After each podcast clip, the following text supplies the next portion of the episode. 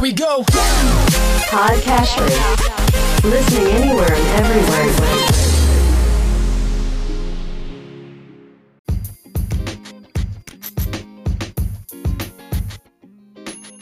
Welcome to Weekly Investment Podcast bersama saya Ferdian Syahputra dari Ispring Investment Indonesia untuk Prudential Indonesia.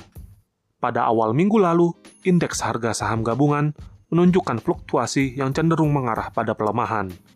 Saham berkapitalisasi besar, terutama sektor finansial, ditutup melemah dan diiringi oleh aksi jual investor asing dan pelemahan rupiah terhadap dolar Amerika Serikat ke level sekitar 14.500. Pelemahan tersebut sejalan dengan pergerakan indeks di Asia Pasifik yang cenderung melemah di tengah para investor yang cenderung wait and see, terutama pada saham Alibaba di Hong Kong setelah regulator Tiongkok mengenakan denda sebesar 18,23 miliar yuan dalam penyelidikan anti monopoli teknologi perusahaan raksasa tersebut.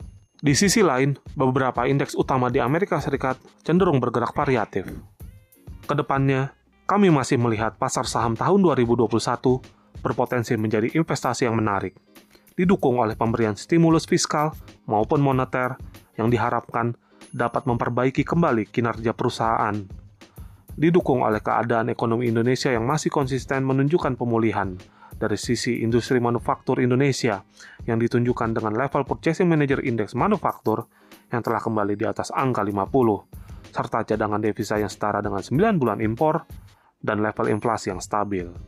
Terlihat juga perkembangan proses vaksinasi di Indonesia semakin membaik, dengan laju vaksinasi sekitar 400.000 injeksi per hari, dan pemerintah menargetkan untuk dapat mencapai hingga 1 juta injeksi per harinya.